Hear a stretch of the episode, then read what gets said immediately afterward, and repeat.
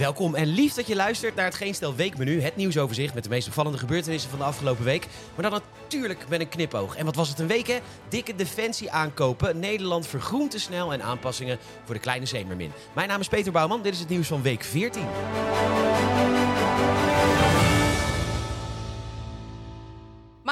De Telegraaf laat weten dat er een opmars is met betrekking tot het eten van berenvlees in Japan. In het noorden van het land is een automaat verschenen waar je voorverpakt berenvlees kunt kopen. Voor omgerekend 15 euro krijg je 250 gram berenvlees, ongeveer hetzelfde bedrag waarvoor je in Nederland 1 kilo kip krijgt.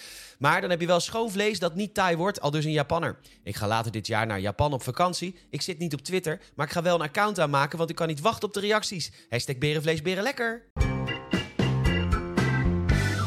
Dinsdag. Ongeveer het belangrijkste debat van het jaar en premier Mark Rutte meldt zich ziek bij Kamervoorzitter Vera Bergkamp. Uh-huh.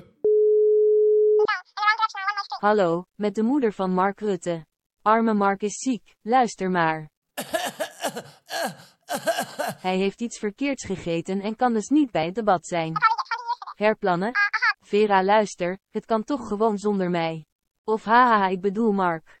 Ook zonder Mark in een debat is dit een gaaf land haha. Vera? Vera? Welkom bij de NAVO Finland, het gelukkigste land op aarde die de NAVO daadwerkelijk sterker gaat maken. Op nu.nl is een video te zien wat zij allemaal te bieden hebben. Nou, het leger staat daar nog steeds midden in de samenleving, mede dankzij de oorlog die Rusland in 1939 startte tegen het land. Het gevolg is dat zij 280.000 militairen kunnen oproepen. Ze hebben een dienstplicht, dus iedereen weet daar hoe je moet schieten. En ze hebben 900.000 reservisten. Het is de grootste artilleriemacht van Europa en ze hebben Nokia voor 5G-apparatuur. Je vraagt je serieus af waarom Finland zich bij de NAVO heeft gevoegd en niet andersom. Dan waren we gelukkiger, hadden we allemaal beter onderwijs. Finland, ga weg. Die NAVO houdt jullie alleen maar naar beneden. Geil volk vol snipers. Hoe graag ik ook een Fin wil zijn, ik ben en blijf een Hollander. En de meeste Nederlanders hebben defensie aankopen helemaal nog nooit meegemaakt. Aangezien wij nooit met een oorlog te maken hebben gehad, zijn we een belerend pacifistisch volkje geworden tegen kruisraketten. Maar ja, wat als de tegenstanders die wel hebben? Tot nu toe dan.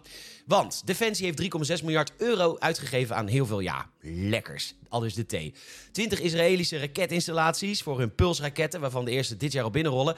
Bijzonder dat we voor het Israëlische model hebben gekozen, want de Amerikanen wilden graag hun HIMARS aan ons verkopen. Maar iedereen die wel eens een bankstel BMW of HIMAR heeft gekocht, de leeftijden van die krengen zijn knijterlang.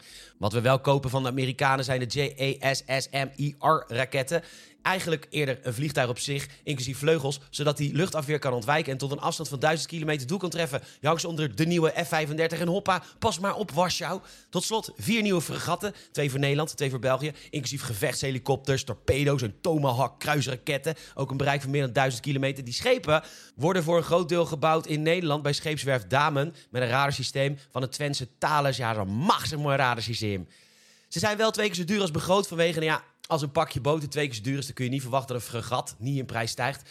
Daar zijn de Belgen dan weer niet blij mee. Maar ter compensatie gaan we voor 335 miljoen euro spullen kopen bij de Belgische defensieindustrie. Dat heeft Nederland al lang niet meer, behalve wat boterbouwers. In België bouwen ze vooral hele vette guns. Mensen die Call of Duty spelen kennen de P90 vast en zeker wel. Vet wapen is bedacht en wordt gewoon gemaakt in Herstal, België. Met dit soort speelgoed wordt het weer leuk om in het Nederlandse gedeelte van het Duitse leger te werken. Leven de kruisraket! Extinction Rebellion, leuk in heel veel landen, vastketenen in China of India bijvoorbeeld, waar ze honderden kolencentrales gaan bouwen de komende jaren. Maar leden in Nederland kunnen zich beter laten omscholen van plak-experts tot netbeheerder. Want een snoeiharde brandbrief bij monden van Hans-Peter Oskam, directeur energietransitie bij Netbeheer Nederland. Samenvattend, de energietransitie gaat veel te snel en het net gaat bezwijken onder de grote hoeveelheid windmolens, zonneparken en elektrische auto's. En in ander nieuws vandaag in de Telegraaf, voor het eerst is meer dan de helft van de opgewekte energie van zon, wind en biomassa. Daarvan is slechts 10% want de vraag hoe groen dat is. Maar goed, de boodschap is helder. Nederland vergroent eerder te snel dan te langzaam. We hebben mensen nodig, niet vastgeketend op de A12, maar binnen energiebedrijven. Want als we Nederland 100% van de CO2 afhelpen, dan help je de wereld met 0,4% minder CO2. Dat is waar het voor doet. Ga aan de slag met je bek. Woensdag. HLN laat weten dat Disney bepaalde liedjes zal aanpassen in de nieuwe versie van De Kleine Zeemermin. Zo zou Erik in het nummer Kus haar dan een beetje opdringerig zijn zonder eerst schriftelijk toestemming te vragen bij Ariel of hij haar wel een kusje mag geven. Na de boeken van Roald Dahl en Agatha Christie nu De Kleine Zeemermin en dan komt het erg dichtbij. Wij legden de hand haha op een aantal aangepaste versies. Die diep in haar snee. Diep in haar snee. Wat zal ze trillen? Hoor de race gillen, klets wat beneden. Moet je die gleuf zien en die ster Met wat glijmiddel kom je ver We zijn blij voor Erik met zijn hockeystick Diep in haar snee Hey, lieve kinderen, we gaan lekker modelleren. Doe jullie een keertje mee? Wat gezellig! Diep diep in haar snee. Wat zal ze trillen? Hoor de race gillen, klets naar beneden. Moet je die gleuf zien en die ster? Met wat glijmiddel kom je ver. We zijn blij voor Erik met zijn hockeystick diep in haar snee. Kijk haar genieten, eerst tussen de tieten, dan diep in haar snee. Toen ze haar maagdelijkheid verloor, met een glimlach van oor tot oor. Kijk ze eens zweten en hoor die kreten diep in haar snee.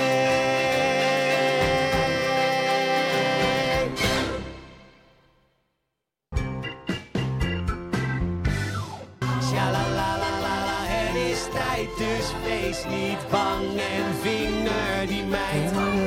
Shalalalala, die stoppen nu, ze wil te graag, dus vinger die meid.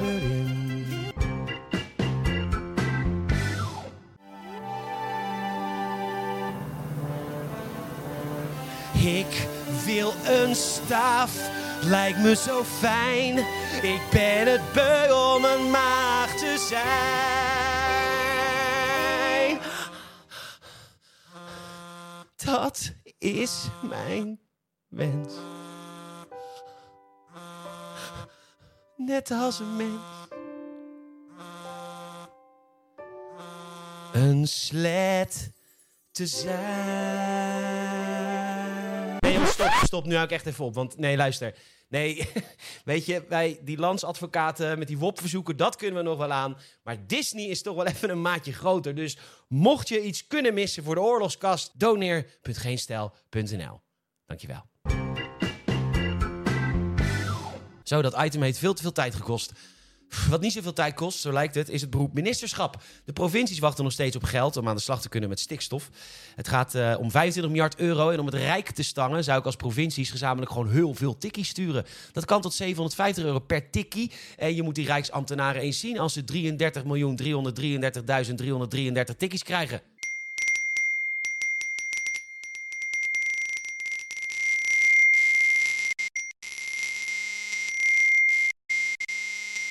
En nu minister Harbers, die dacht even per decreet Schiphol te kunnen krimpen, zo even in zijn uppie. Dat mag niet van de rechter, want daar moet een hele procedure voor gevolgd worden met alle betrokken partijen. Aldus luchtvaartverslaggever van de Telegraaf, Iteke de Jong. En wij houden echt heel veel van Iteke. Maar ja, minister Harbers, dat klinkt als heel veel werk. Misschien wel anderhalf keer de tijd dat een of andere debiel bezig is met een liedje genaamd Diep in haar snee.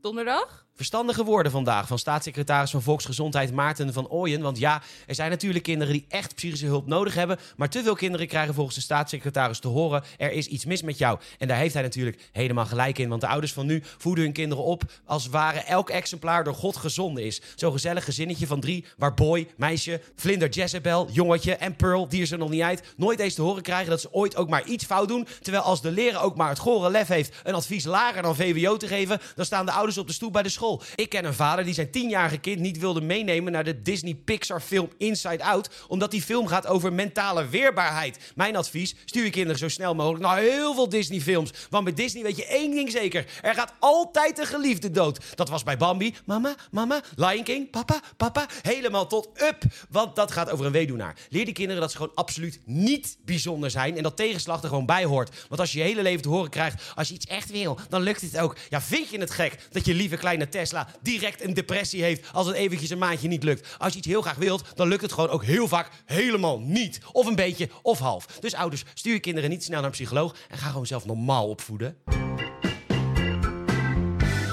Vrijdag? Israël, Palestina, Noord-Ierland. Overal zijn ze bang voor oorlogen en aanslagen deze feestdagen. Ja, je kan dat soort dingen inderdaad het beste zo kort mogelijk voor Goede Vrijdag en Pasen doen. Ben je direct vergeven.